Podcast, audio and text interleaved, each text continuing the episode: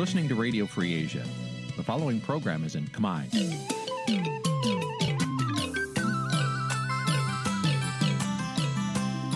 Nǐ chi càm bi tiệp xáy vệt chiu a zì sáy. Nǐ chi càm bi tiệp xáy របស់ វិទ្យុអាស៊ីសេរីជាភាសាខ្មែរ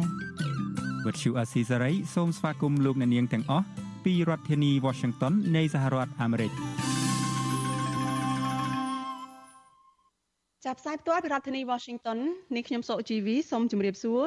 លោកអ្នកនាងកញ្ញាដែលកំពុងតាមដានការផ្សាយរបស់វិទ្យុអាស៊ីសេរីទាំងអស់ជាទីមេត្រីយើខ្ញុំសូមជូនកម្មវិធីផ្សាយសម្រាប់យប់ថ្ងៃច័ន្ទ3កើតខែផុតត្របុត្រឆ្នាំខាលចត្វាស័កពុរសករាជ2566ចាប់ត្រូវនៅថ្ងៃទី29ខែសីហា គ្រិស្តសករាជ2022ជាដំបូងនេះសូមអញ្ជើញលោកអ្នកនាងស្ដាប់ព័ត៌មានប្រចាំថ្ងៃដែលមានមេត្តាដូចតទៅ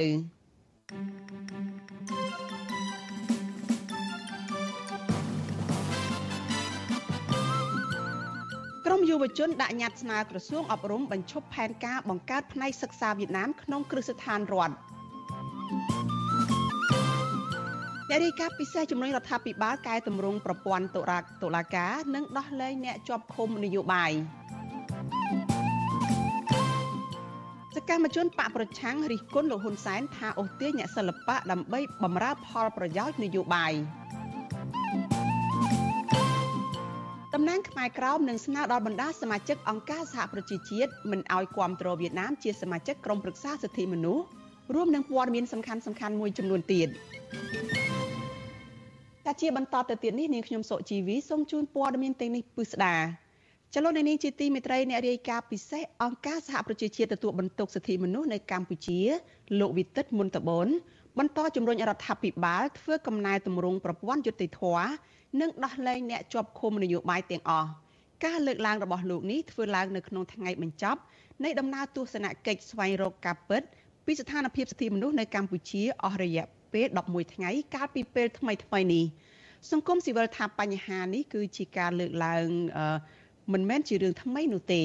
ចាលោកនាងនៅបានស្ដាប់សេចក្តីរាយការណ៍នេះនៅក្នុងការផ្សាយរបស់យើងនៅពេលបន្តិចទៀតហើយជាមួយគ្នានោះនាងខ្ញុំនឹងមានសម្ភារផ្ទាល់ជាមួយនឹងអ្នកធ្វើការផ្នែកសិទ្ធិមនុស្សនៅក្នុងស្រុកអំពីស្ថានភាព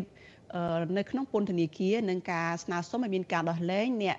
ជាប់ឃុំដែលជាអ្នកទោសមនសិការឬអ្នកជាប់ឃុំដោយសារតែបញ្ហានយោបាយនៅក្នុងការផ្សាយរបស់យើងនៅពេលបន្តិចទៀតនេះចាសសូមអញ្ជើញលោកនាងរងចាំតាមដានព័ត៌មាននេះនិងបទសម្ភាសន៍នេះនៅក្នុងពេលបន្តិចទៀតនេះ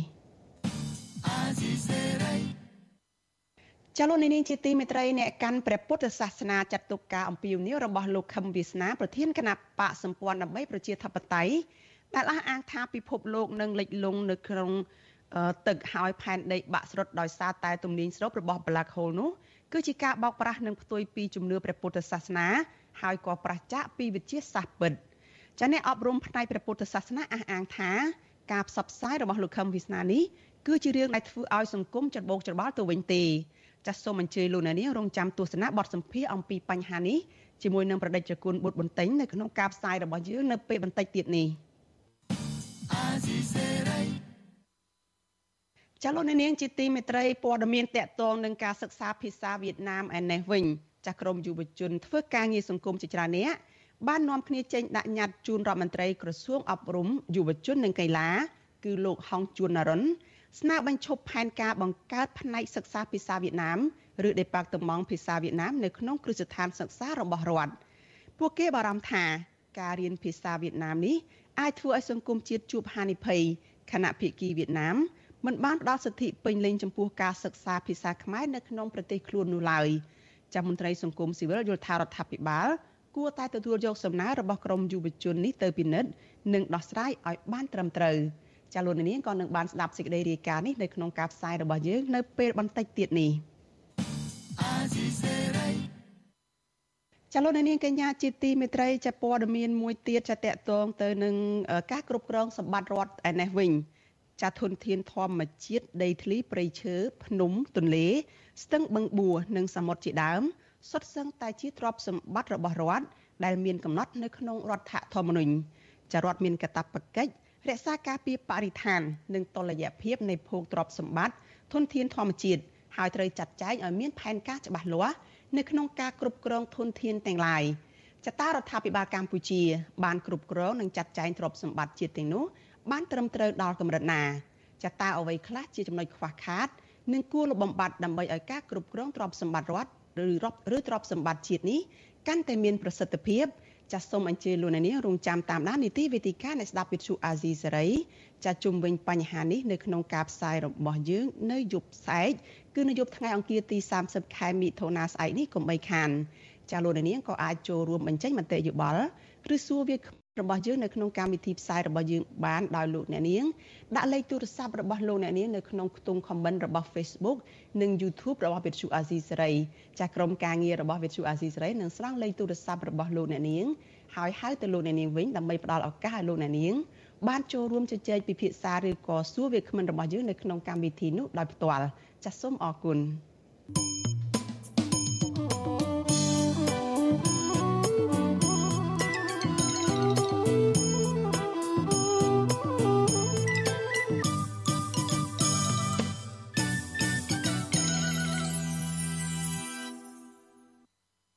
ចាលោកនាងកញ្ញាប្រិយមិត្តជាទីមេត្រីចាលោកអ្នកកំពុងតែតាមដានការផ្សាយរបស់ Vithu Azizi សេរីចាប់ផ្សាយចេញពីរដ្ឋធានី Washington សហរដ្ឋអាមេរិក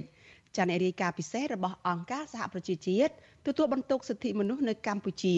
លោកវិទិតមុនតបនបន្តជំរុញរដ្ឋាភិបាលធ្វើកំណែតម្រង់ប្រព័ន្ធយុតិធធ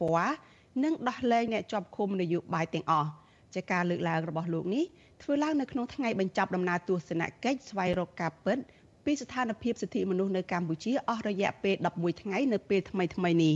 ចាស់សង្គមស៊ីវិលថាបញ្ហាលើកឡើងនេះគឺមិនមែនជារឿងថ្មីនោះទេចាស់ពីរដ្ឋធានី Washington លោកសនចន្ទរដ្ឋាមានសេចក្តីរាយការណ៍អំពីរឿងនេះអ្នករាយការណ៍ពិសេសអង្គការសហប្រជាជាតិប្រចាំកម្ពុជាលោកវិទិតមុនតបនថ្លែងក្រោយពេលបើបញ្ចប់ដំណើរបេសកកម្មរបស់លោកដែលផ្ដោតសំខាន់លើស្នើឲ្យរដ្ឋាភិបាលពន្លឿនកែតម្រង់ប្រព័ន្ធតុលាការដើម្បីការពារសិទ្ធិសេរីភាពពលរដ្ឋ ហើយត្រូវដោះលែងសកម្មជនគណបកនយោបាយដែលកំពុងជាប់ឃុំលោកនិយាយដូចនេះនៅសន្តាគារសាន់វេក្នុងរាជធានីភ្នំពេញកាលពីថ្ងៃទី26សីហានៅចំពោះមុខអង្គការសង្គមស៊ីវិលក្រុមអ្នកសារព័ត៌មានជាតិនិងអន្តរជាតិអ្នកនាំពាក្យសមាគមការពារសិទ្ធិមនុស្សអាត់ហុកលោកសឹងសានករណាចាត់ទុកការលើកឡើងនេះឆ្លុះបញ្ចាំងពីការពិនស្របពេលដែលសកម្មជនគណបកនយោបាយច្រើនអ្នកកំពុងជាប់ឃុំហើយរងការចោទប្រកាន់មិនតន់ដោះលែងនៅឡើយទេ ស្របពេលដែលសកម្មជននយោបាយខ្លះទៀតបានរត់ភៀសខ្លួនទៅក្រៅប្រទេសជាដើមលោកយល់ថារដ្ឋាភិបាលគួរទទួលយកអនុសាសន៍របស់នារីការពិសេសអង្គការសហប្រជាជាតិដើម្បីផលប្រយោជន៍កម្ពុជា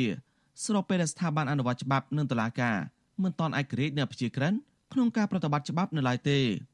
លោកបញ្ជាក់ថាស្ថាប័នតុលាការខ្វះឯករាជ្យភាពនៅក្នុងការសម្ដែងរឿងក្តី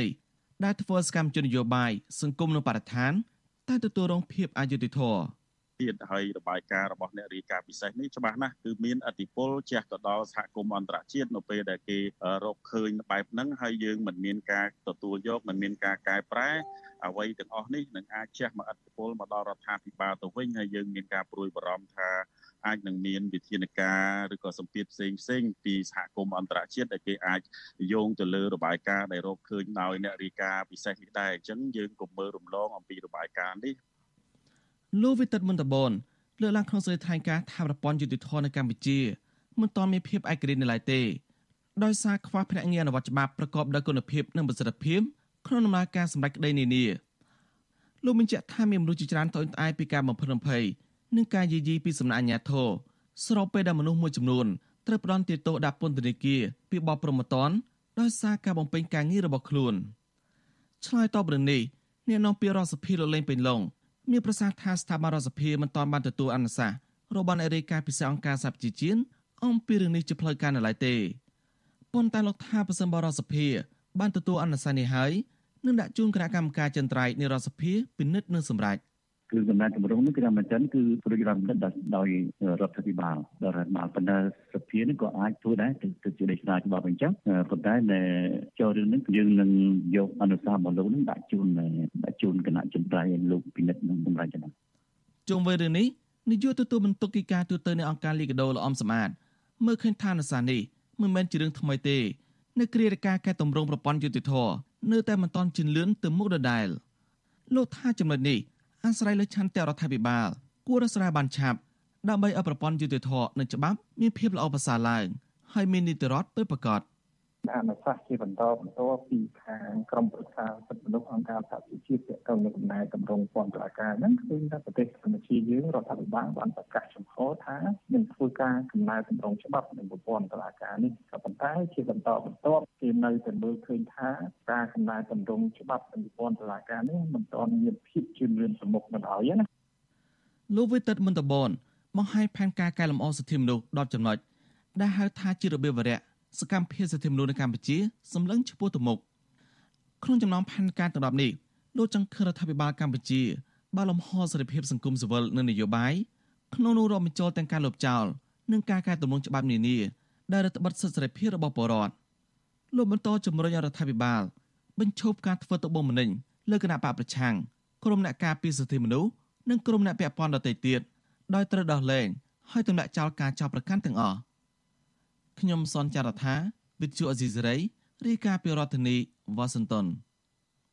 ចាលោកនាងជាទីមេត្រីចាតកតនរឿងនេះដែរចានេះខ្ញុំនឹងមានសម្ភារផ្ទាល់ជាមួយនឹងអ្នកផ្នែកសិទ្ធិមនុស្សធ្វើការផ្នែកសិទ្ធិមនុស្សនៅកម្ពុជាចាគឺលោកអំសំអាតដែលជានាយករងទទួលបន្ទុកកិច្ចការទូតនៃអង្គការលីកាដូចាលោកនៅមកជជែកបន្ថែមតាក់ទងទៅនឹងស្ថានភាពរបស់អ្នកជាប់ឃុំជាពិសេសគឺអ្នកជាប់ឃុំផ្នែកនយោបាយឬក៏អ្នកជាប់ឃុំផ្នែកមនសិការនេះ ចាសសូមអញ្ជើញលោកនាងរងចាំតាមដានបទសម្ភាសន៍នេះនៅក្នុងការផ្សាយរបស់យើងនៅពេលបន្តិចទៀតនេះ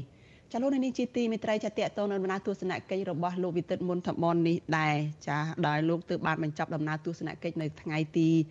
26ខែសីហាកន្លងទៅនេះចាតើលោកវិទិតមុនតមនបានលើកឡើងអ្វីខ្លះចាតកតងទៅនឹងបញ្ហាប្រឈមផ្នែកសេរីភាពសារព័ត៌មាននៅកម្ពុជាចាសូមអញ្ជើញលោកនាងស្ដាប់សេចក្តីរាយការណ៍របស់លោកមានរិទ្ធអំពីរឿងនេះដែលនឹងលើកឡើងតកតងនឹង អនុសាសន៍របស់លោកវិទិតមុនតំបន់បន្ថែមទៀតចាសសូមអញ្ជើញលោកអ្នកនាងស្ដាប់សេចក្តីរាយការណ៍របស់លោកមានរិទ្ធដូចតទៅសម្រាប់ឆ្នាំ2022នេះក្រៅពីបញ្ហាចាក់ស្រេះជាច្រើនពាក់ព័ន្ធនឹងវិស័យសិទ្ធិមនុស្សជាពិសេសបញ្ហាគួរឲ្យព្រួយបារម្ភនៃអំពើជួញដូរមនុស្សនិងអំពើរំលោភសិទ្ធិដីធ្លីនៅកម្ពុជានោះបញ្ហាសេរីភាពសារព័ត៌មានក៏ត្រូវបានលោកវិទិតមុនតបនលើកយកមកបញ្ចូលជាផ្នែកមួយនៃផែនការកែលម្អសិទ្ធិមនុស្ស10ចំណុចរបស់លោក ដែលលោកចង់ឃើញរដ្ឋាភិបាលកម្ពុជា អនុវត្តឲ្យបានឆាប់រហ័សនិងប្រកបដោយប្រសិទ្ធភាព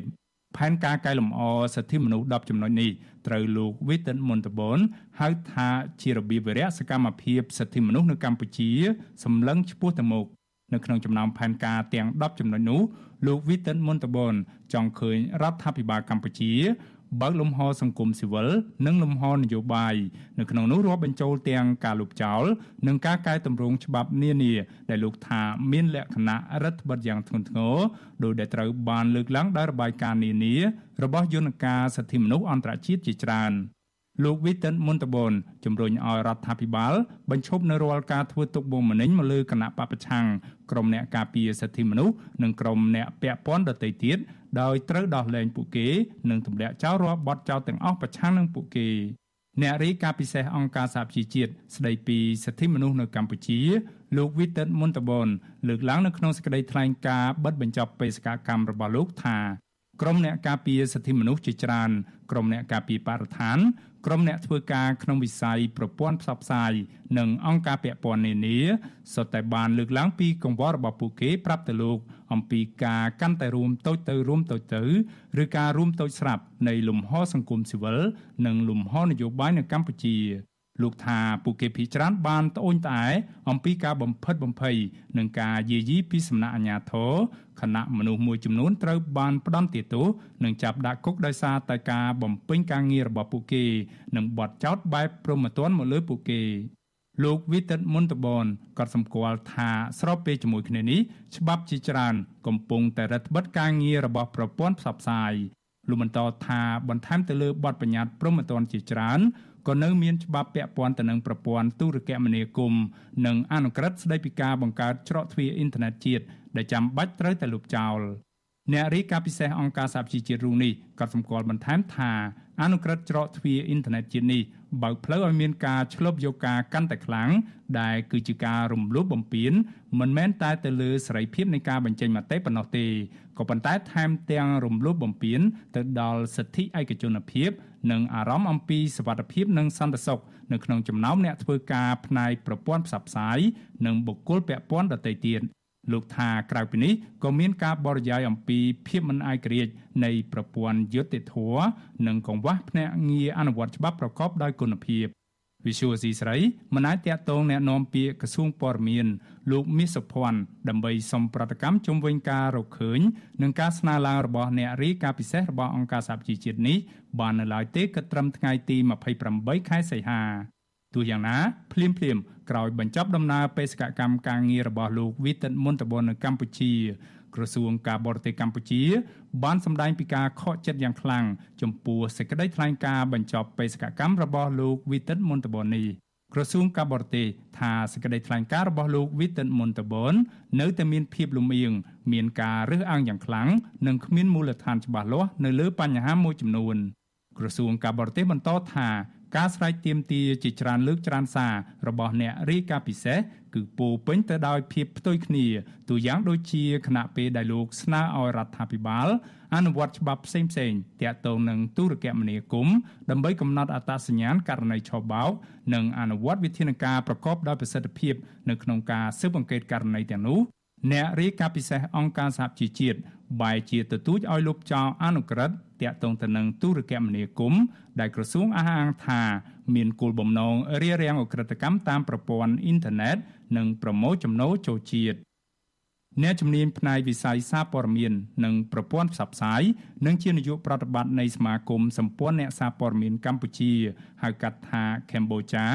លោកណូវីថ្លែងប្រាប់វិសុយអស៊ីសេរីថា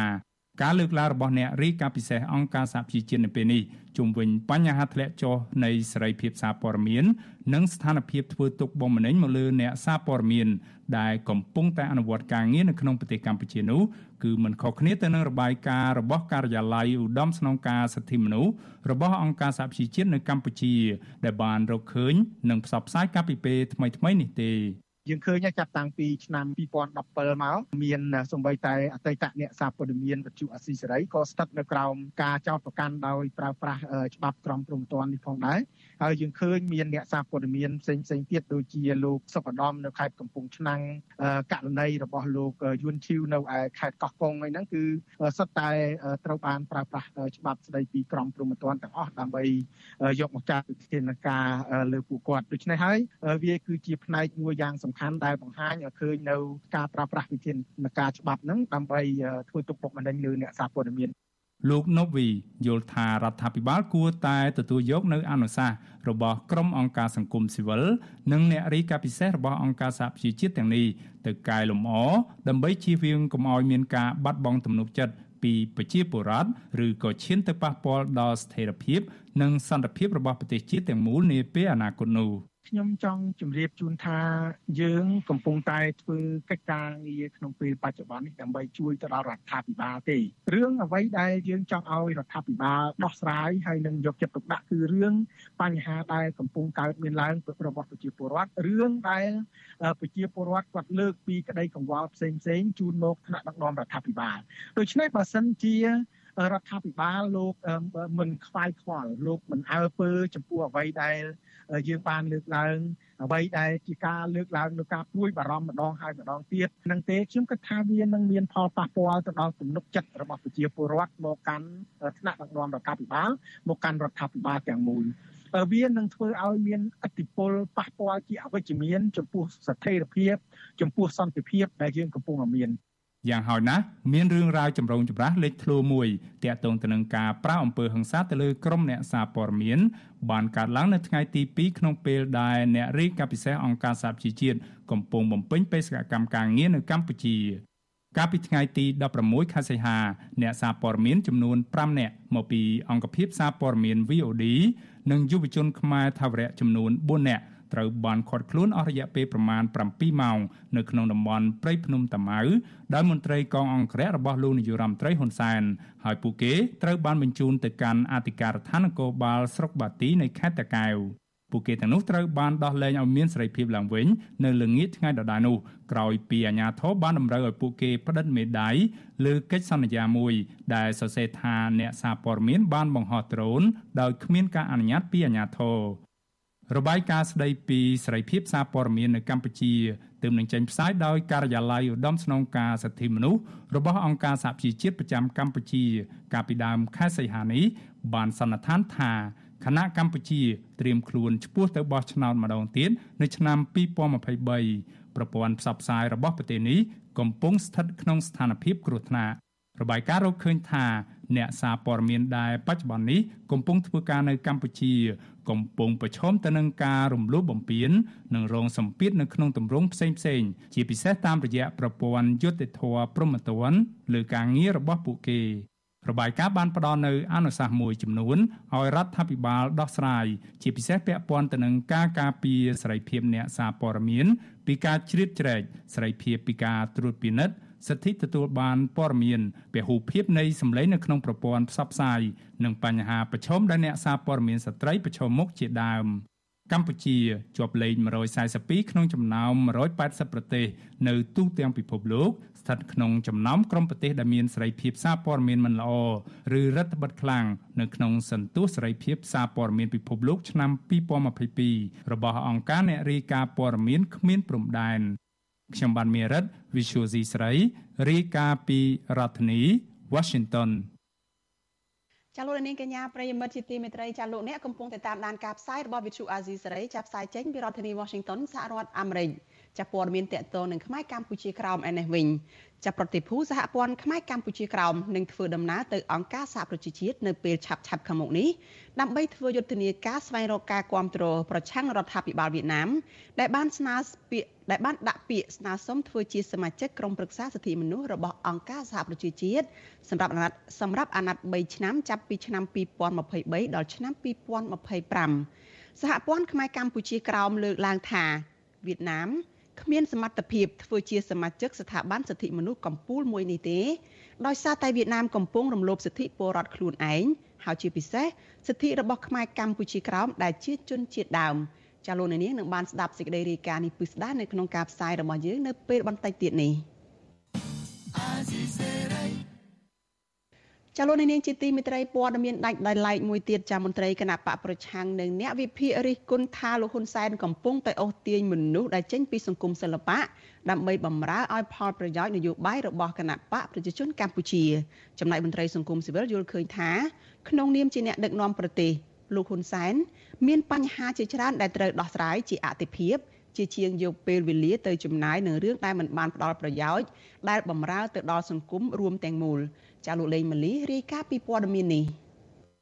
លោកនាយករដ្ឋមន្ត្រីហ៊ុនសែនបានបង្ហោះសារនៅក្នុងបណ្ដាញសង្គមផ្ទាល់ខ្លួនរបស់លោកកាលពីយប់ថ្ងៃទី28សីហាដោយភ្ជាប់នៅរូបភាពអបអរសាទរបេក្ខជនប្រឡងចម្រៀងម្នាក់ដែលទទួលបានជ័យលាភីនិងអមជាមួយចំណងជើងមួយឃ្លាថា ទីបំផុតជោគជ័យត្រូវបានទៅលើអ្នកឈ្នះប៉ុន្តែអ្នកវិភាគរិះគន់ថា លោកហ៊ុនសែនបានប្រើប្រាស់ប្រជាប្រិយភាពអ្នកសិល្បៈដើម្បីទាក់ទាញចំណាប់អារម្មណ៍មហាជនខណៈលោកមិនបានបំពេញភារកិច្ចជានាយករដ្ឋមន្ត្រីឲ្យបានល្អមន្ត្រីគណៈបកប្រឆាំងភៀសខ្លួននៅប្រទេសម៉ាឡេស៊ីលោកមនផាឡាប្រាប់វិទ្យុអស៊ីសេរីនៅថ្ងៃទី29សីហាថាវាជារឿងដែលល្អប្រសើរក្នុងនាមជាថ្នាក់ដឹកនាំប្រទេសម្នាក់ដែលចូលរួមអបអរសាទរដោយស្មោះត្រង់ ចំពោះយុវជនខ្មែរដែលទទួលបានជ័យលាភីក្នុងការប្រកួតប្រជែងផ្នែកសិល្បៈប៉ុន្តែការគ្រប់គ្រងនោះត្រូវឆ្លុះបញ្ចាំងពីភាពយុត្តិធម៌មិនអគតិនិងរើសអើងនានាការនយោបាយឡើយលោកសង្កេតឃើញថារដ្ឋាភិបាលតែងគៀកោនិងទិញទឹកចិត្តអ្នកសិល្បៈតារាចម្រៀងដើម្បីឲ្យពួកគេបម្រើនយោបាយរបស់គណៈបកកណ្ដាលអំណាចតាមរយៈការសម្ដែងនិងការរាំច្រៀងព្រោះវិស័យមួយនេះទទួលបានការគ្រប់គ្រងនិងពេញនិយមច្រើន ពីប្រជាពលរដ្ឋទូទៅ ជាពិសេសយុវវ័យលោកថាក្នុងពេលឃោសនាបោះឆ្នោតម្ដងម្ដងតារាចម្រៀងតារាសម្ដែងតារាកំ pl ែងសិល្បករសិល្បករនីហាក់ដើរតួសំខាន់នៅជួរមុខក្នុងការឃោសនារោគសម្លេងឆ្នោតដោយប្រើប្រជាប្រិយភាពរបស់ពួកគេដើម្បីអូសទាញអ្នកគ្រប់គ្រងឲ្យបោះឆ្នោតជូនគណៈបកប្រជាជនកម្ពុជា។ ដើម្បីចំណេញនយោបាយដែលយុវជនភាគច្រើនគ្រប់គ្រងនៅក្នុងវិស័យសិល្បៈក៏ដូចជាវិស័យផ្សេងផ្សេងហ្នឹងក្នុងក្របខ័ណ្ឌនយោបាយវាធ្វើឲ្យអ្នកចម្រៀងហ្នឹងវាទៅជាខូចនៅភាពល្បីល្បាញរបស់ខ្លួនទៅវិញទេស្រដៀងគ្នានេះដែរអ្នកវិភាគនយោបាយគឺលោកកឹមសុខលើកឡើងថាអ្វីដែលលោកហ៊ុនសែនកំពុងធ្វើហាក់ចង់បង្ហាញប្រាប់ទៅមហាជនថាលោកជាអ្នកស្រឡាញ់និងគ្រប់គ្រងវិស័យសិល្បៈ ប៉ុន្តែជាក់ស្ដែងលោកកឹមសុខមើលឃើញថាមេដឹកនាំរូបនេះកំពុងព្យាយាមបញ្ចូលខ្លួនទៅក្នុងការចាប់អារម្មណ៍របស់ប្រជាពលរដ្ឋតែប៉ុណ្ណោះលោកបន្តថាលោកហ៊ុនសែនតែងតែយករឿងរ៉ាវឬព្រឹត្តិការណ៍នានាដែលកំពុងពេញនិយមនៅក្នុងសង្គមទៅបង្ហោះជាលក្ខណៈលេងសើចដើម្បីទាក់ទាញការចាប់អារម្មណ៍ពីមហាជនផ្ទុយពីបញ្ហាឬព្រឹត្តិការណ៍ណាដែលមានការប៉ះពាល់និងមានតម្លៃសម្រាប់ពលរដ្ឋទូទៅវាពិតជាគួរឲ្យខ្មាស់អៀនណាស់ដែលកម្ពុជាយើងមាននាយករដ្ឋមន្ត្រីចេះដឹកនាំត្រឹមតែប្រេងតាម Facebook ឬក៏យករឿងជាតិទៅកំ pl ុកកំ pl ែងលេងតាម Facebook ដើម្បីសោកខ្លួននិងសោកឈ្មោះលើព្រឹត្តិការណ៍ណាដែលប្រជាពលរដ្ឋតាមដាននិងគ្រប់គ្រងវិទ្យុអស៊ីសេរីមិនអាចតេតងប្រធានអង្គភិបអ្នកនាំពាក្យរាជរដ្ឋាភិបាលគឺលោកផៃស៊ីផាន និងអ្នកនាំពាក្យគណៈបកប្រជាជនកម្ពុជាលោកសុកអេសានដើម្បីសូមសេចក្តីអធិប្បាយជុំវិញបញ្ហានេះបានទេ នៅថ្ងៃទី29សីហាជុំវិញរឿងនេះប្រធានសមាគមនិស្សិតបញ្ញវន្តខ្មែរលោកកើតសរាយយល់ឃើញថាការបង្ហាញពីការគ្រប់គ្រងនរណាម្នាក់ជាសាធារណៈមិនមែនជារឿងខុសដែលត្រូវរដ្ឋបិទនោះទេប៉ុន្តែក្នុងនាមជានាយករដ្ឋមន្ត្រីលោកហ៊ុនសែនត្រូវមានបញ្ហាជាច្រើនដែលត្រូវដោះស្រាយលោកបន្តថា ការបង្ហោះសារគ្រប់គ្រងបេក្ខជនរូបនោះបង្ហាញថាលោកហ៊ុនសែនកំពុងកេងចំណេញក្នុងផ្លូវនយោបាយតាមរយៈការយកខ្លួនទៅដាក់ក្នុងព្រឹត្តិការណ៍ដែលមហាជនកំពុងចាប់អារម្មណ៍ក្រៅពីនេះផ្ទុយពីការប្រឡងចម្រៀងទូទៅដែលត្រូវបានលោកបង្ហាញការគ្រប់គ្រងមេដឹកនាំរូបនេះបែរជាមានចំណាត់ការធ្វើទុកបុកម្នេញទៅលើអ្នកចម្រៀងណាដែលមានមនសិការជាតិច្រៀងចម្រៀងបង្ហាញនិងរិះគន់ពីសង្គមក្រោមការដឹកនាំរបស់លោកហ៊ុនសែនលោកបន្ថែមថា ជំនួសឲ្យការចំណាយពេលទៅលើរឿងទាំងអស់នោះលោកហ៊ុនសែនគួរងាកមកចាប់អារម្មណ៍លើព្រឹត្តិការណ៍ដទៃទៀតដែលកំពុងរងចាំដំណោះស្រាយពីលោករួមមាន បញ្ហាកោតក្រ Nagawal និងបញ្ហានយោបាយជាប់គាំងមួយចំនួនទៀតបើនិយាយពីកាប់កិច្ចនយោបាយលោកនាយករដ្ឋមន្ត្រីគឺអត់មានពេលដែលត្រូវគិតគូររឿងចឹងទេព្រោះទូនាទីជានាយករដ្ឋមន្ត្រីគឺការងាររាប់ពាន់រាប់ម៉ឺនរាប់សែនមុខដែលត្រូវអត្ថភាព បច្ចុប្បន្ននេះវិស័យសិល្បៈនៅកម្ពុជាមានទំនាក់ទំនងយ៉ាងជិតស្និទ្ធជាមួយគណៈបកប្រជាជនកម្ពុជារបស់លោកហ៊ុនសែនក្នុងនោះតារាចម្រៀងនិងតារាសម្ដែងមួយចំនួនត្រូវបានរដ្ឋាភិបាលផ្ដល់តួនាទីក្នុងស្ថាប័នរដ្ឋនិងខ្លះទៀតជាអង្គការផ្ទុយពីតារាចម្រៀងដែលច្រៀងរិះគន់ពីអំពើពុករលួយក្នុងសង្គមនិងភាពអសមត្ថភាពដឹកនាំរបស់រដ្ឋាភិបាលត្រូវបានអាជ្ញាធរគម្រាមកំហែងនិងចាប់ខ្លួនជាក់ស្ដែងតារាចម្រៀងរ៉េប គឺលោកឈុនដេមីត្រូវបានអាជ្ញាធរគម្រាមកំហែងតាក់ទងនឹងបទចម្រៀងសង្គមនេះដែលបានលាតត្រដាងអំពីការរីករាលដាលនៃអំពើពុករលួយ ភាពក្រីក្រក្នុងសង្គមនិងលោកគៀសគុណត្រូវបានសាលាដំបងខេត្តសៀមរាបផ្តន្ទាទោសឲ្យជាប់ពន្ធនាគាររយៈពេល1ឆ្នាំកន្លះកាលពីដើមខែកញ្ញាឆ្នាំ2020ដោយសារលោកច្រៀងនិងរិះគន់បញ្ហាក្នុងសង្គមបង្ហោះតាមបណ្ដាញសង្គម YouTube និង Facebook រៀបរាប់អំពីរឿងរ៉ាវឈឺចាប់នៅក្នុងសង្គមដូចជាអំពើអយុត្តិធម៌សង្គមបញ្ហាសេដ្ឋកិច្ចធ្លាក់ចុះពលរដ្ឋក្រីក្រដើរសំទាននិងចំណាក់ស្រុកកាន់តែច្រើន បញ្ហាព្រំដែនបញ្ហាសង្គមជាតិទុនខ្សោយ និងការធ្លាក់ចុះគុណធម៌ជាដើមខ្ញុំបាទលេងម៉ាលីវិទ្យុអស៊ីសេរីរាយការណ៍ពីរដ្ឋធានី Washington ចាលោកនាងកញ្ញាប្រិមិត្តជាទីមេត្រីចាអ្នកកាន់ព្រះពុទ្ធសាសនាចាត់ទុកការអំពាវនាវរបស់លោកខឹមវាសនាប្រធានគណៈបកសម្ព័ន្ធដើម្បីប្រជាធិបតេយ្យឬ LDP ដែលអះអាងថាពិភពលោកនឹងលិចលង់ផែនដីបាក់ស្រុតដោយសារតែទំនាញស្រូបរបស់ Black Hole នោះគឺជាការបោកប្រាស់និងផ្ទុយពីជំនឿព្រះពុទ្ធសាសនា និងប្រឆាចពីវិទ្យាសាស្ត្រពិតចាអ្នកអប់រំផ្នែកព្រះពុទ្ធសាសនាអះអាងថាការផ្សព្វផ្សាយរបស់លោកខឹមវាសនានេះ គឺជារឿងដែលធ្វើឲ្យសង្គមច្របូកច្របល់ទៅវិញទេចាសសូមអញ្ជើញលោកអ្នកនាងរងចាំតាមដានទស្សនាបទសម្ភាសអំពីបញ្ហានេះជាមួយនឹងប្រដេចប្រគុណបុត្របន្ទិញនៅក្នុងការផ្សាយរបស់យើងនៅពេលបន្តិចទៀតនេះ។ា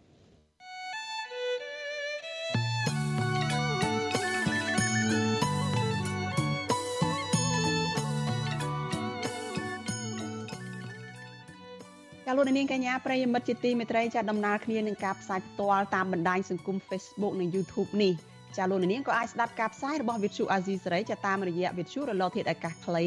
ចា SW តាមកម្រិតនិងកម្ពស់ដូចតទៅនេះពេលព្រឹកចាប់ពីម៉ោង5កន្លះដល់ម៉ោង6កន្លះតាមរយៈរលកធាតុអាកាសខ្លី12140 kHz ស្មើនឹងកម្ពស់ 25m និង13715 kHz ស្មើនឹងកម្ពស់ 22m ចាប់ពេលយប់ ចាប់ពីម៉ោង7កន្លះដល់ម៉ោង8កន្លះតាមរយៈរលកធាតុអាកាសខ្លី9960 kHz ស្មើនឹងកម្ពស់ 30m 12140 kHz ស្មើនឹងកម្ពស់ 25m និង11885 kHz ស្មើនឹងកម្ពស់ 25m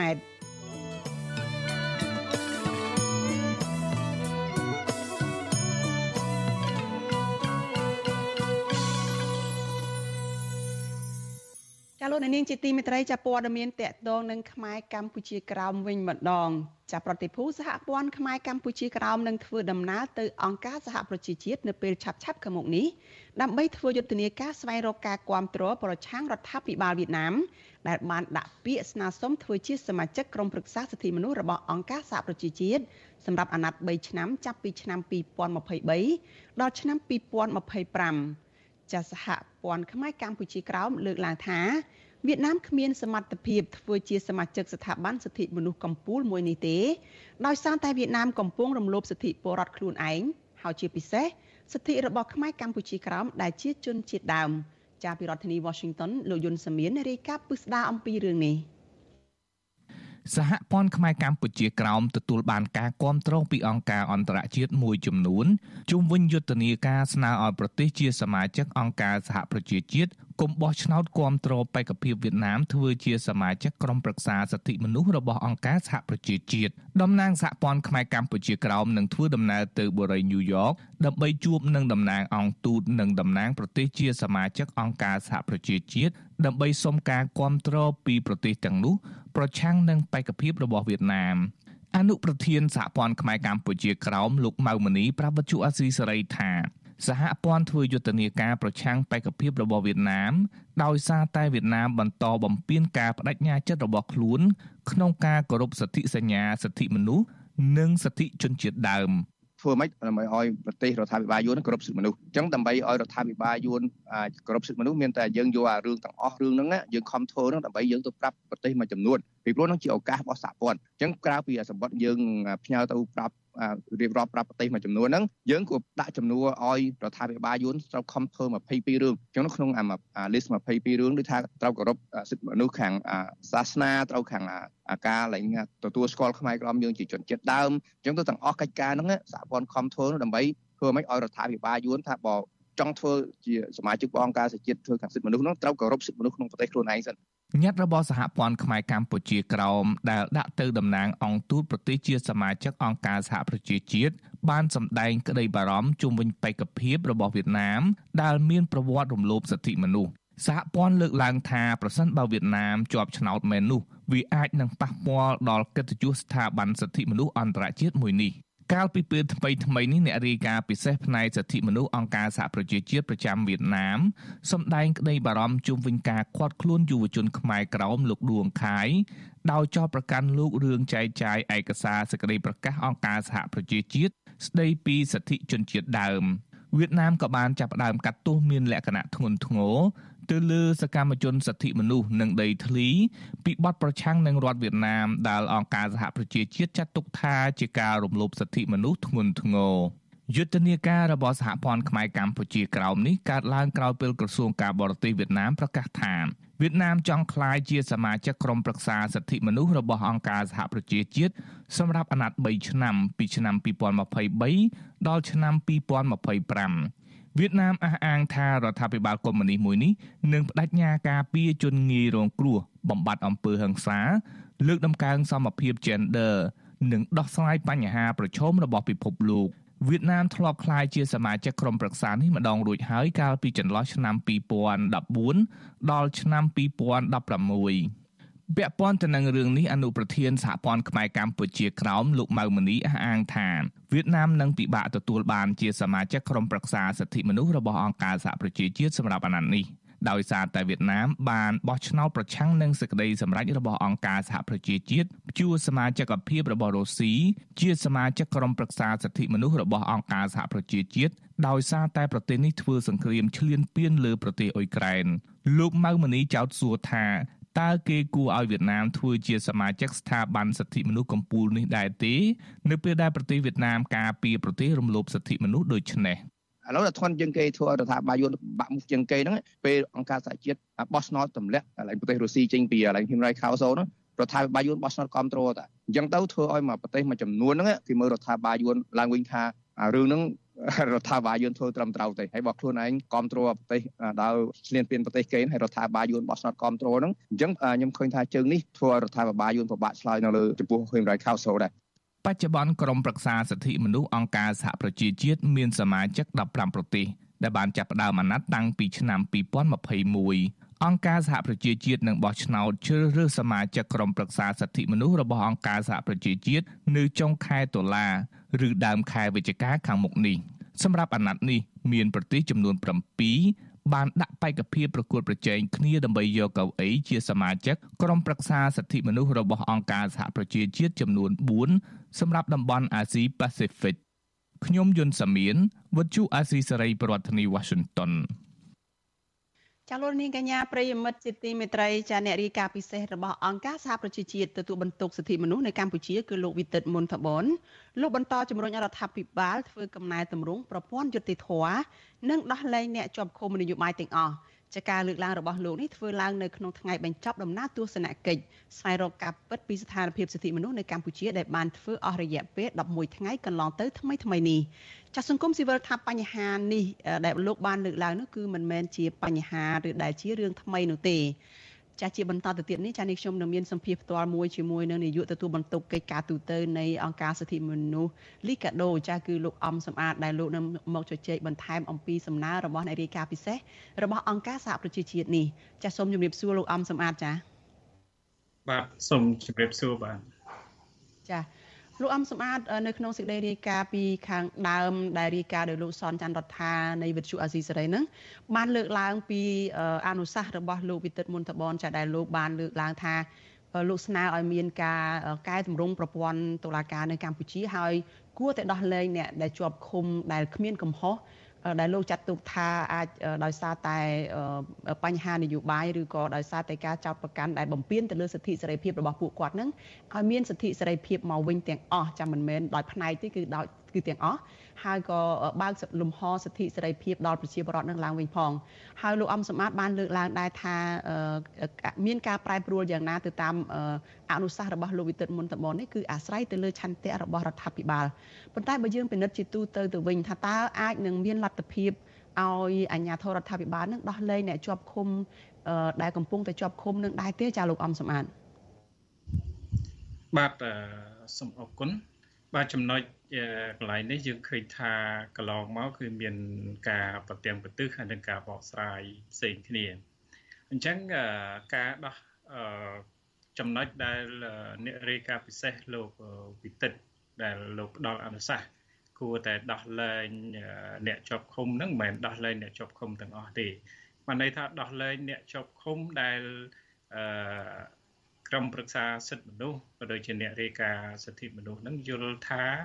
មិនគួរត្រូវបានចោទប្រកាន់និងកាត់ទោសឬការឃុំខ្លួននោះគឺសំដៅទៅលើអឺសកម្មជននៃអតីតគណៈបពប្រឆាំងឬក៏មេដឹកនាំនៃអតីតគណៈបពប្រឆាំងក៏ដូចជាអ្នកការពារសិទ្ធិមនុស្សអ្នកបរិស្ថានអីជាដើមហ្នឹងគឺនៅក្នុងរបាយការណ៍ហ្នឹងគឺផ្ដល់អនុសាសន៍ថាគួរតែ ទម្លាក់បាត់ចោតប្រកាន់ឬក៏ការដោះលែងអ្នកទាំងអស់ហ្នឹងឲ្យមានសេរីភាពឡើងវិញនេះគឺនៅក្នុងន័យដែលលើកឡើងនឹងអញ្ចឹងបើយើងមើលទស្សនវិជ្ជាទូទៅកន្លងមកយើងឃើញថាវាមិនមែនជារឿងថ្មីទេប៉ុន្តែគាត់ថានេះជាលើកទី1ដែលលោកវិទិតជានារីជាអ្នករាយការណ៍ពិសេសក្រមប្រឹក្សាសិទ្ធិមនុស្ស ដែលកាន់តំណែងថ្មីហ្នឹងទៅតែមកបំពេញបេសកកម្មនៅប្រទេសកម្ពុជាដោយសារកន្លងមក នៅពេលដែលលោកចូលកាន់តំណែងលោកជួបមន្ត្រីរាជរដ្ឋាភិបាលហ្នឹងតាមតែរយៈប្រព័ន្ធអនឡាញហើយនឹងប្រជុំជាមួយនឹងអ្នកពាក់ព័ន្ធឬក៏អង្គការសង្គមស៊ីវិលអីហ្នឹងតាមតែប្រព័ន្ធអនឡាញទេហើយនេះជាលើកទី1ដែលលោកមកបំពេញបេសកកម្មផ្ទាល់នៅក្នុងប្រទេសកម្ពុជាហើយបើសិនជាយើងមើលទៅលើអនុសាសន៍នេះយើងឃើញថាក ន្លងមកគឺសហគមន៍អន្តរជាតិក៏គេបានលើកឡើងអំពីផលប៉ះពាល់នៃលំហសេរីភាពនយោបាយលំហសេរីភាពជាមូលដ្ឋានរបស់ពលរដ្ឋលំហសេរីភាពរបស់អង្គការសង្គមស៊ីវិលនិងលំហសេរីភាពរបស់អ្នកសារព័ត៌មានផងដែរអញ្ចឹងតកតទៅនឹងការស្នើសុំឲ្យមានការដោះលែងនេះដោយសារតែការបកស្រាយហ្នឹងគឺយើងឃើញហើយរវាងមន្ត្រីរដ្ឋាភិបាល ជាមួយនឹងអ្នកជំនាញសិទ្ធិមនុស្សនឹងមានការបកស្រាយយើងឃើញថាមានការបកស្រាយផ្ទុយគ្នា ដោយមន្ត្រីរាជរដ្ឋាភិបាលលោកលើកឡើងថាការចាប់និងការឃុំខ្លួនទៅលើអតីតសកម្មជនគណៈបកប្រឆាំងឬក៏មេដឹកនាំគណៈបកអតីតគណៈបកប្រឆាំងអង្គការសង្គមស៊ីវិលអ្នកការពារសិទ្ធិមនុស្សអ្នកការពារបរិស្ថាននិងអ្នកការងារធ្វើការងារសង្គមនោះគឺជាការអនុវត្តច្បាប់កម្ពុជាក៏ប៉ុន្តែ អ្នកជំនាញផ្នែកសិទ្ធិមនុស្សហើយនិងសហគមន៍អន្តរជាតិគេយល់ថាការចោទប្រកាន់និងការឃុំខ្លួនឬក៏កាត់ទោសទៅលើអ្នកទាំងអស់ហ្នឹងគឺវាជាហេតុផលនយោបាយច្រើនជាង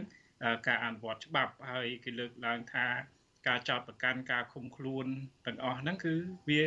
ជាការរឹតបន្តឹងឬក៏ប៉ះពាល់ទៅដល់សិទ្ធិសេរីភាពជាមូលដ្ឋានរបស់ពលរដ្ឋដែលធានាដោយបទដ្ឋាន ឧបករណ៍គតិយុត្តអន្តរជាតិក៏ដូចជារដ្ឋធម្មនុញ្ញនៃប្រទេសកម្ពុជាយើងផងដែរដែលបានទទួលស្គាល់នៅបទដ្ឋានទាំងអស់ហ្នឹងអញ្ចឹងគឺមានការបកស្រាយខ្វែងគំនិតគ្នាបន្ទាប់បន្តបន្តមកហើយអញ្ចឹងបានយើងឃើញថាទោះបីជាឥឡូវហ្នឹងអ្នករីកាពិសេសលោកវិទិតមកធ្វើទស្សនកិច្ចឬក៏មកបំពេញបេសកកម្ម11ថ្ងៃនេះក៏រកឃើញចំណុចហ្នឹងហើយលើកឡើងម្ដងទៀតគឺអនុសាសន៍ក្នុងការ ផ្ដល់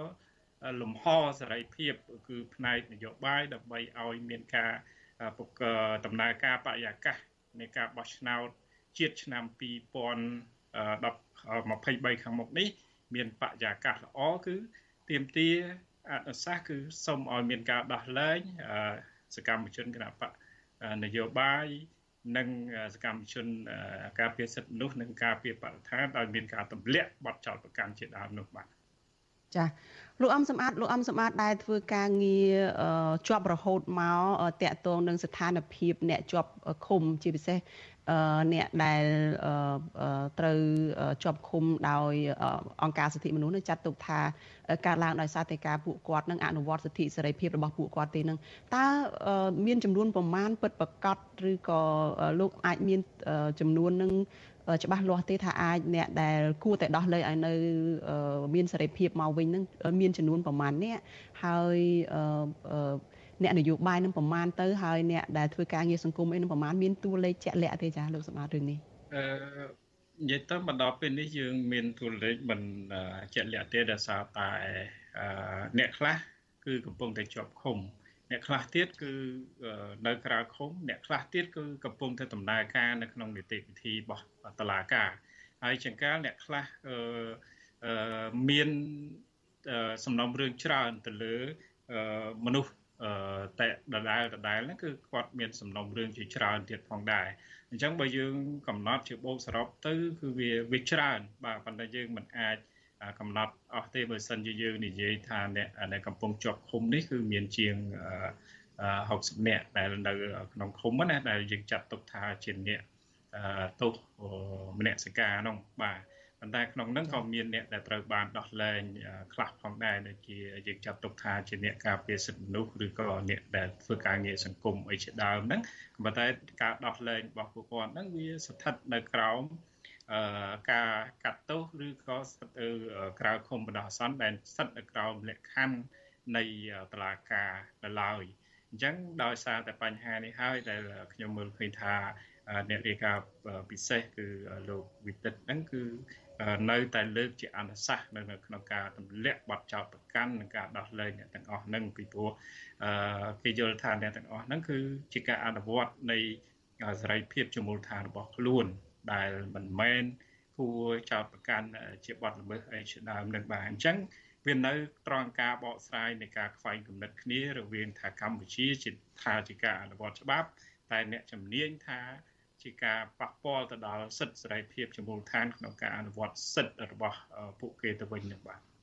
ចាលោកអំសំអាតចំពោះអ្នករាយការណ៍ពិសេសរបស់អង្គការសហប្រជាជាតិចាលោកវិទិតមុនតបនោះលោកបានលើកឡើងថា មានស្នើឲ្យមានការកែ ប្រែឬក៏កែតម្រង់ប្រព័ន្ធតុលាការនៅកម្ពុជា ដែលនឹងអាចនាំទៅឲ្យមានការដោះលែងអ្នកដែលជាប់ឃុំផ្នែកនយោបាយនឹងបានន័យថាតុលាការអាចនឹងមានការផ្លាស់ប្ដូរទៅហើយមានការរកឃើញថាអ្នកដែលជាប់ឃុំនឹងអាចថាគាត់មិនបានជាប់ឃុំមិនមានទោសអីពិតប្រាកដទេគ្រាន់តែជាការអនុវត្តសិទ្ធិអីចឹងទៅប៉ុន្តែលោកអំសមត្ថបានលើកឡើងថាពឹងផ្អែកទៅលើឆន្ទៈរបស់រដ្ឋាភិបាលអាជ្ញាធររដ្ឋនឹងតើកន្លែងនេះយ៉ាងម៉េចចាលោកអំសមត្ថអាចពន្យល់បានថាយ៉ាងម៉េចចា បាទខ្ញុំគាត់យល់ថាអនុសាសន៍ចំពោះពាក្យថាកំណែតម្រង់ប្រព័ន្ធតឡាការនេះ យើងមិនមែនទៅតែលើពេលនេះទេ តាមពិតទៅនៅការប្រជុំត្រួតពិនិត្យឡើងវិញជាសកលស្ដីពីសិទ្ធិមនុស្សក្នុងចំណោមរាល់4ឆ្នាំម្ដងហ្នឹងគឺនៅក្នុងអនុសាសន៍ហ្នឹងគឺមានជាប់រហូតពីបញ្ហាថាសូមឲ្យមាន កម្ពុជាយើងមានការកំណែតម្រង់ប្រព័ន្ធយុតិធធអញ្ចឹងការកំណែតម្រង់ប្រព័ន្ធយុតិធធនេះវាមានពីរផ្នែកទី1គឺការកំណែតម្រង់ច្បាប់អញ្ចឹងការកំណែតម្រង់ច្បាប់ហ្នឹងគឺថា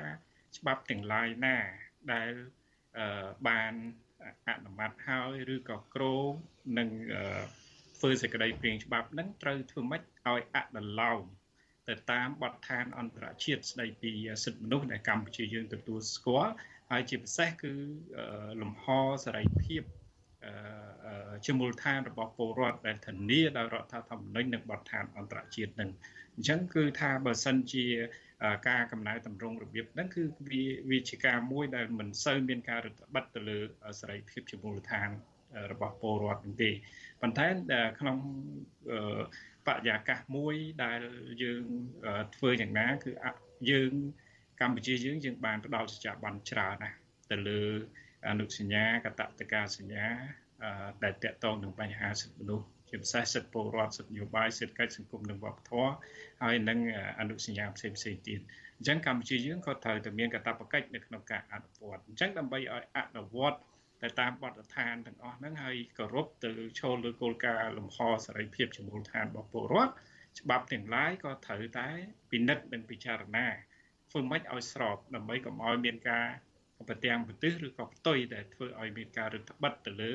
បញ្ហាសិទ្ធិបញ្ហាសិទ្ធិជាមូលដ្ឋានរបស់ពលរដ្ឋនឹងហ្នឹងគឺតកតងនឹងកំណែតម្រង់ច្បាប់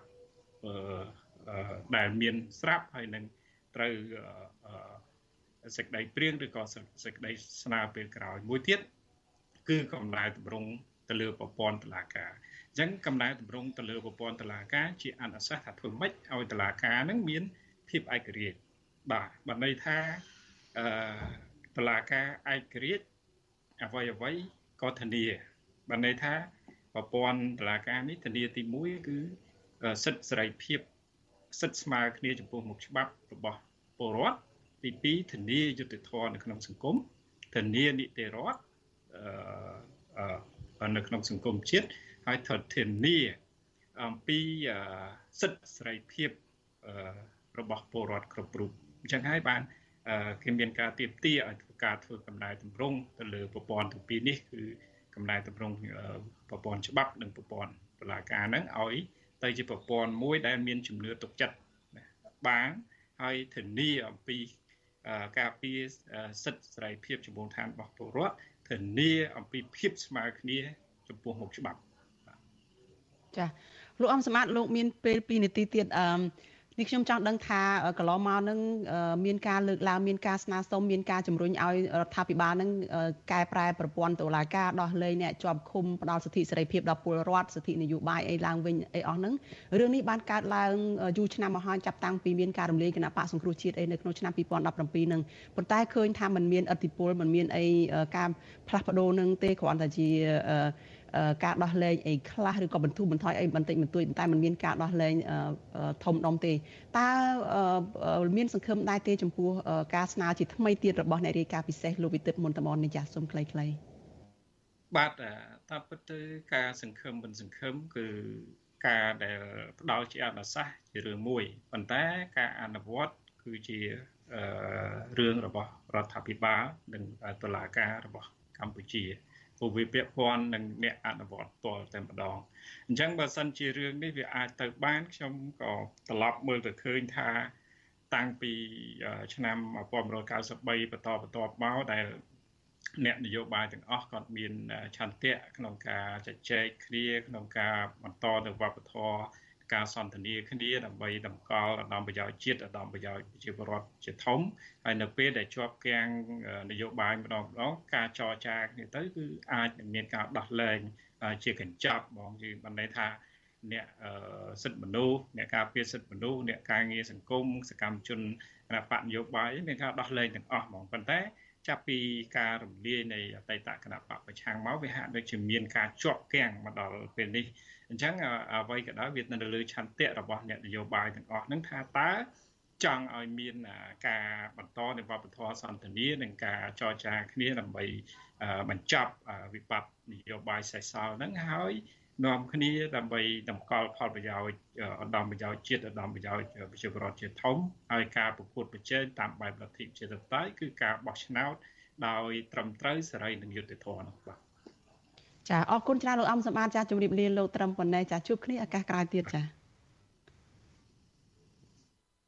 ចាលោកនេះជាទីមេត្រីចាជាបន្តទៅទៀតនេះចាលោកមានរិទ្ធមានសេចក្តីរាយការណ៍មួយតាក់ទងទៅនឹងក្រមយុវជនដាក់ញត្តិស្នើឲ្យក្រសួងអប់រំបញ្ឈប់ផែនការបង្កើតផ្នែកសិក្សា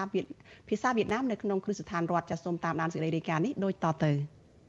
ក្រមយុវជនសង្គមជាង10នាក់ បាននាំគ្នាយកញត្តិមួយច្បាប់ទៅដាក់នៅក្រសួងអប់រំនៅពេលព្រឹកនៅនៅសាកលវិទ្យាល័យភូមិន្ទភ្នំពេញនៅពេលរសៀលនៅថ្ងៃទី29ខែសីហាញ៉ាំនោះបានបញ្ជាក់ពីការមិនពេញចិត្តនឹងប្រតិកម្មជាច្រើនរបស់ពលរដ្ឋខ្មែរដោយស្នើសុំឲ្យរដ្ឋមន្ត្រីក្រសួងអប់រំលោកហងជួននរនបញ្ឈប់ការបង្កើតអគារសិក្សាភាសាវៀតណាមនៅក្នុងសាកលវិទ្យាល័យភូមិន្ទភ្នំពេញខ្លឹមសារក្នុងញត្តិនោះលើកឡើងថាក្រមយុវជននិងពលរដ្ឋខ្មែរកើតទុំមិនសុខចិត្ត តាក់ទងទៅនឹងការបង្កើតអគារសិក្សាភាសាវៀតណាមនៅក្នុងសាកលវិទ្យាល័យភូមិន្ទភ្នំពេញពីព្រោះការបកស្រាយរបស់ក្រសួងអប់រំនាពេលកន្លងមកមិនបានបង្ហាញហេតុផលសមរម្យដូច្នេះពួកគេស្នើឲ្យក្រសួងអប់រំបញ្ឈប់ផែនការបង្កើតអគារសិក្សាភាសាវៀតណាមនៅក្នុងគ្រឹះស្ថានរដ្ឋមួយនេះក៏ប៉ុន្តែក្រសួងអាចបង្កើតជាស្ថាប័នឯកជនវិញ ញត្តិដដែលបញ្ជាក់ថាមូលហេតុដែលក្រមយុវជនចេញដាក់ញត្តិស្នើឲ្យក្រសួងអប់រំច្រានចោលសំណើរបស់ភាគីវៀតណាមគឺដោយសារតែភាសាវៀតណាមមិនមែនជាតម្រូវការចាំបាច់និងមិនផ្ដល់អត្ថប្រយោជន៍ខ្លាំងនោះទេបើធៀបទៅនឹងអាគារសិក្សាភាសាផ្សេងទៀតផ្ទុយទៅវិញពួកគេអះអាងថាភាសានេះមានហានិភ័យខ្ពស់សម្រាប់សង្គមកម្ពុជា ម្យ៉ាងវិញទៀតក្រមយុវជនអះអាងថារដ្ឋាភិបាលធ្វើដូច្នេះគឺដើម្បីបំពេញតម្រូវការរបស់ភាគីវៀតណាមដែលមានមហិច្ឆតាជ្រៀតចូលគ្រប់វិស័យនៅកម្ពុជាតែប៉ុណ្ណោះញ៉ាត់ដដែលលើកឡើងបន្តថាទន្ទឹមនឹងនេះវៀតណាមគឺជាប្រជាជាតិមួយដែលកម្ពុជាគួរប្រុងប្រយ័ត្នចំពោះការមានចំណងមិត្តភាពនិងការរក្សាទំនាក់ទំនងផ្សេងៗដែលយោងតាមប្រវត្តិសាស្ត្ររហូតដល់បច្ចុប្បន្ននេះព្រោះវៀតណាមមិនដែលបោះបង់ចោលមហិច្ឆតាឈ្លានពានកម្ពុជាឡើយ ជាក់ស្ដែងដូចជាការបាត់បង់ធនធាន ទឹកដីទ្រព្យសម្បត្តិជាតិជាច្រើនដោយកម្ពុជាក្រោមនិងកោះត្រល់ជាដើម ចំណែកហេតុផលមួយទៀតការបង្កើតដេប៉ាតឺម៉ង់ភាសាវៀតណាមនេះពួកគេថាគ្មានតលយៈភាពនិងមិនស្មើភាពនៃការងារការទូតពីព្រោះភាគីវៀតណាមមិនបានផ្ដល់សិទ្ធិពេញលេញដល់អ្នកសិក្សាភាសាខ្មែរនៅក្នុងប្រទេសវៀតណាមជាពិសេសពលរដ្ឋខ្មែរនៅលើទឹកដីកម្ពុជាក្រោមគ្មានសិទ្ធិសិក្សាអក្សរនិងភាសាខ្មែរស្របតាមច្បាប់ជាផ្លូវការនោះទេ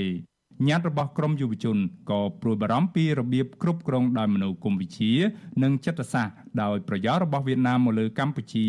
ដែលក្រមយុវជនសង្កេតឃើញមានដូចជាការផ្ដោតដីសម្បត្តិសង្គមគិច្ច40ហិកតាឲ្យជនជាតិវៀតណាម សាងសង់លំនៅឋាន ស្របពេលដែលពលរដ្ឋខ្មែរម្ចាស់ស្រុកទទួលរងនៅវិបត្តិដីធ្លីជាច្រើននិងរងនឹងការបណ្តេញចេញដោយបង្ខំ លើពីនេះទៀតញត្តិដដែលនេះក៏បានលើកឡើងពីការផ្ដោតដីសម្បត្តិនៅតាមបណ្ដោយព្រំដែនកម្ពុជាវៀតណាមនិងការបង្កើតតំបន់ត្រីកោណកម្ពុជាវៀតណាមឡាវដែលវៀតណាមជាអ្នកគ្រប់គ្រងនិងទទួលផលប្រយោជន៍ជាដើមតំណាងយុវជនធ្វើការសង្គមលោក Chel Thilen ប្រាប់វិសុយស៊ីស្រីក្រោយដាក់ញត្តិថា មន្ត្រីក្រសួងអប់រំបានចេញមកទទួលយកញត្តិរបស់ក្រមយុវជនហើយសន្យាថានឹងយកញត្តិនេះទៅដាក់ជូនថ្នាក់លើដើម្បីពិនិត្យនិងឆ្លើយតបត្រឡប់មកវិញ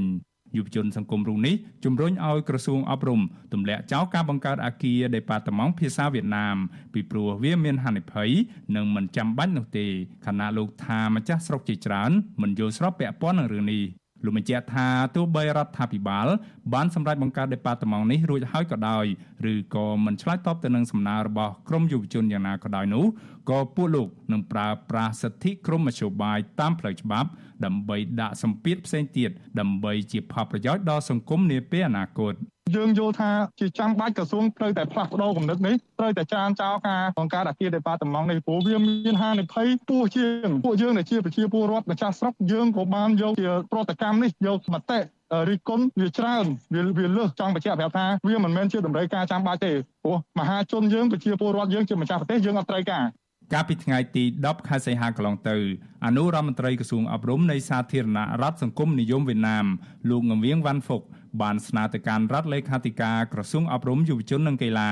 លោកពិតចំណានឲ្យបង្កើតផ្នែកឬដេប៉ាតឺម៉ង់សិក្សាភាសាវៀតណាមនៅក្នុងសាកលវិទ្យាល័យភូមិន្ទភ្នំពេញលោកងវៀងវ៉ាន់ហ្វុកស្នើបែបនេះក្រុមហេតុផលថាការសិក្សាភាសាវៀតណាមនឹងជួយឲ្យនិស្សិតរបស់កម្ពុជាអាចចេះភាសាបរទេសមួយបន្ថែមទៀត ក្រោយពីការស្នើសុំនេះបានរយៈពេល2ថ្ងៃពោលគឺនៅថ្ងៃទី12ខែសីហាក្រសួងអប់រំបានឯកភាពបង្កើតឲ្យមានដេប៉ាតឺម៉ង់សិក្សាភាសាមួយនេះដោយតាមការស្នើសុំរបស់ភាគីវៀតណាមឆ្លើយតបនឹងរឿងនេះអ្នកនាំពាក្យក្រសួងអប់រំយុវជននិងកីឡាលោករស់សូវិចាប្រាវិសុយអេស៊ីស្រីតាមប្រព័ន្ធ Telegram ថាលោកសុំមិនអត្ថាធិប្បាយបន្ថែមករណីនេះទេពីព្រោះក្រសួងបានចេញសេចក្តីប្រកាសព័ត៌មានរួចហើយ កាលពីថ្ងៃទី16ខែសីហាក្រសួងអប់រំបានបញ្ជាក់ថាការដាក់បញ្ចូលភាសាវៀតណាមទៅក្នុងប្រព័ន្ធអប់រំកម្ពុជា ជាយន្តការថ្មីមួយនិងជាកិច្ចសហប្រតិបត្តិការដើម្បីពង្រឹងវិស័យអប់រំកម្រិតឧត្តមសិក្សារវាងកម្ពុជានិងវៀតណាម ដេប៉ាតឺម៉ង់សិក្សាភាសាវៀតណាមនេះនឹងផ្ដោតលើជំនាញកម្រិតបរិញ្ញាបត្រចំនួន3ដូចជាមុខជំនាញសិក្សាភាសាវៀតណាមមុខជំនាញបកប្រែភាសាវៀតណាមនិងមុខជំនាញបកប្រែភាសាវៀតណាមសម្រាប់ទំនាក់ទំនងធុរកិច្ចជុំវិញរឿងនេះប្រធានសមាគមសម្ព័ន្ធនិស្សិតបញ្ញវន្តខ្មែរលោកកើតសរាយថ្លែងថាការចេញដាក់ញត្តិរបស់ក្រមយុវជនទាំងនោះគឺជាសិទ្ធិសម្ដែងមតិដែលពួកគេចេះឈឺឆ្អាលពីបញ្ហាសង្គម លោកថាប្រតិកម្មរបស់មហាជនតាក់ទងទៅនឹងការបង្កើតដេប៉ាតឺម៉ង់ភាសាវៀតណាមកើតឡើងដោយសារតែក្រសួងអប់រំបកស្រាយមិនបានច្បាស់លាស់នឹងមកពីកត្តាប្រវត្តិសាស្ត្ររវាងប្រទេសទាំងពីរលោកកើតសរាយបញ្ជាក់ថាលោកមិនបដិសេធចំពោះការបង្កើតដេប៉ាតឺម៉ង់នេះទេក៏ប៉ុន្តែលោកយល់ថាក្រសួងអប់រំត្រូវធានាអះអាងនិងទទួលយកសំណើរបស់ក្រមយុវជនយកទៅពិនិត្យនិងស្រាវជ្រាវអំពីគុណសម្បត្តិនិងគុណវិបត្តិនៃភាសានេះ ដើម្បីឲ្យប្រជាពលរដ្ឋខ្មែរទូទៅមានទំនុកចិត្តជាងនេះ សាយូនខ្ញុំក៏សម្រាប់ខ្ញុំខ្ញុំមិនបដិសេធទេប៉ុន្តែត្រូវឆ្លើយតបទៅកាន់ប្រជាពលរដ្ឋហើយត្រូវធានាថាអ្វីដែលជាការរៀបចំរបស់ក្រសួងនឹងគឺមានការទទួលខុសត្រូវគ្រប់គ្រាន់តែទោះយ៉ាងណាក៏ដោយប្រជាពលរដ្ឋខ្ញុំមើលឃើញជាភាពមិនទុកចិត្តអានឹងជាភាពដែលបាត់បង់ជំនឿចិត្តហើយកំហុសនឹងមិនមែនមកពីពលរដ្ឋទេកំហុសនឹងមកពីក្រសួងមកពីរដ្ឋាភិបាលផ្ទាល់ដែលតែងតែធ្វើឲ្យប្រជាពលរដ្ឋនឹងបាត់បង់ទំនុកចិត្តនៅក្នុងការធានានៅអធិបតេយ្យភាពរបស់ខ្លួន វិជាស្ថានភាសាបរទេសនៅសាកលវិទ្យាល័យភូមិន្ទភ្នំពេញដែលបង្រៀនថ្នាក់បរិញ្ញាបត្រនិងបរិញ្ញាបត្រជាន់ខ្ពស់មានដេប៉ាតឺម៉ង់ចំនួន7គឺដេប៉ាតឺម៉ង់សិក្សាអន្តរជាតិដេប៉ាតឺម៉ង់ភាសាអង់គ្លេសបារាំងជប៉ុនកូរ៉េចិននិងថៃជាដើមរដ្ឋមន្ត្រីក្រសួងអប់រំលោកហងជួនណារ៉ុនធ្លាប់អះអាងថាបច្ចុប្បន្ននៅប្រទេសវៀតណាមក៏មានសាលាបង្រៀនដែលមានកម្មវិធីសិក្សាភាសាខ្មែរដែរនៅតាមសាលាមួយចំនួន ក៏ប៉ុន្តែសហព័ន្ធខ្មែរកម្ពុជាក្រោមតែងតែលើកឡើងពីការធ្វើទុកបុកម្នេញរបស់អាជ្ញាធរវៀតណាមមិនអនុញ្ញាតឲ្យពលរដ្ឋខ្មែរកម្ពុជាក្រោមអាចសិក្សារៀនសូត្រភាសានិងអក្សរសាស្ត្រខ្មែរបានដោយផ្លូវការនិងដោយបើកចំហនោះឡើយ សហព័ន្ធខ្មែរកម្ពុជាក្រោមតែងស្នើឲ្យអាជ្ញាធរវៀតណាមជាពិសេសក្រសួងអប់រំនៃប្រទេសនេះដាក់បញ្ចូលការសិក្សាភាសាខ្មែរទៅក្នុងកម្មវិធីសិក្សាផ្លូវការចាប់ពីថ្នាក់បឋមសិក្សារហូតដល់កម្រិតឧត្តមសិក្សាក្រមយុវជននិងអ្នកវិភាគលើកឡើងថា ការបើកដេប៉ាតឺម៉ង់ភាសាវៀតណាមនៅក្នុងសាកលវិទ្យាល័យភូមិន្ទភ្នំពេញនៅកម្ពុជានេះកំពុងបង្ហាញពីភាពមិនស្មើគ្នារវាងប្រទេសទាំងពីរខណៈភាសាខ្មែរហាក់ត្រូវបានរឹតបន្តឹងមិនឲ្យសិក្សានៅក្នុងប្រទេសវៀតណាមឡើយ។ពួកគេស្នើឲ្យរដ្ឋាភិបាលលុបចោលការបង្កើតអាគារដេប៉ាតឺម៉ង់ភាសាវៀតណាមគណៈពលរដ្ឋខ្មែរជាច្រើនរិះគន់ខ្លាំងៗនៅក្នុងរឿងនេះខ្ញុំបាទមេរិត Visual C ស្រីរាយការណ៍ពីរដ្ឋធានី Washington ចាលោកនាងកញ្ញាជាទីមេត្រីចាជាបន្តទៅទៀតនេះចាយើងនឹងមានបទសម្ភាសផ្ទាល់មួយដោយលោកទីនសការីយ៉ានឹងចូលមកអឺ សម្រាប់សម្រួលបទសម្ភាសនេះចាសម្រាប់លោកអ្នកដែលកំពុងតែតាមដានការផ្សាយរបស់យើងតាមបណ្ដាញសង្គម Facebook និង YouTube ចាសូមបន្តតាមដានការផ្សាយរបស់យើងជាបន្តទៅទៀតដោយលោកទីនសការីយ៉ានឹងមានសម្ភាសជាមួយនឹងបដិជគុណបុត្របន្ទិញចាតកតងទៅនឹងការអំពាវនាវរបស់លោកខឹមវិស្នាដែលជាប្រធានគណៈបកសម្ព័ន្ធដើម្បីប្រជាធិបតេយ្យ LDP ដែលអះអាងថាពិភពលោកនឹងលិចលង់ផែនដីបាក់ស្រុតដោយសារតែទំនាញស្រូបរបស់ Black Hole ហើយដែលអ្នក